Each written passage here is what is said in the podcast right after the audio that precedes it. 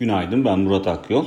7 haftadır arka arkaya değer kaybeden ABD piyasaları dün iyimser bir görünüm sergiledi ki ana endekslere baktığımızda %1,5 ila 2 arasında değer kazanımları yaşandığını görüyoruz. Özellikle de bankacılık sektörünün güçlü bir performans sergilemesi Amerika'da dikkat çekti.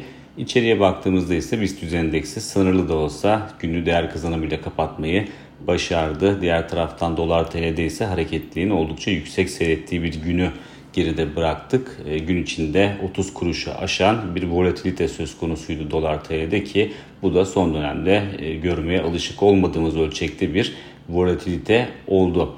E, diğer taraftan bugüne dönersek, bugün PMI endeksleri açıklanacak e, Euro bölgesinde ve Amerika'da. E, özellikle ekonomik aktivitenin son durumuna ışık tutması bakımından bu endeksleri yakından takip ediyoruz. E, tüketici güveninin e, geri çekilmesi hem Amerika'da hem de Euro bölgesinde ve bunun yanında enflasyonu yüksek seyretmesi, sıkı para politikalarının ekonomik aktiviteyi nasıl etkilediğini bu verilerde görme şansı bulacağız. E, öte yandan e, ons altında 200 günlük hareketli ortalamanın üzerinde kalınması, bu bölgede kapanış yapılması, 1838 doların üzerinde kalınması kısa vadeli görünümü iyileştiren bir zemin yaratıyor.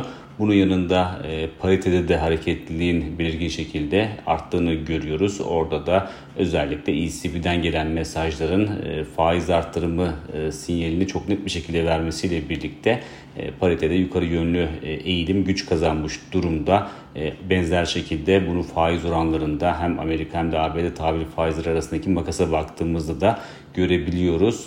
Dolayısıyla teknik açıdan baktığımızda paritede 1.0650 seviyesinin üzerinde kalındıkça yukarı yönlü denemelerin devam etme ihtimalinin daha yüksek göründüğünü söylemek mümkün ama şu var ki biraz daha uzun vadeli baktığımızda ABD'de Fed'in çok daha agresif bir para politikası izlemesinin beklendiğini düşünürsek kısa vadeli görünüm pozitif olsa da bunun uzun vadede trende dönüşen bir değer kazanımı yaratma ihtimali en azından mevcut koşullar altında çok yüksek görünmüyor. Bu görünümün değişmesi için ECB'nin yılın geri kalanında daha fazla sayıda faiz arttırması gerekir ki şu anda piyasa beklentisi de bu yönde değil. Bir sonraki podcast'te görüşmek üzere.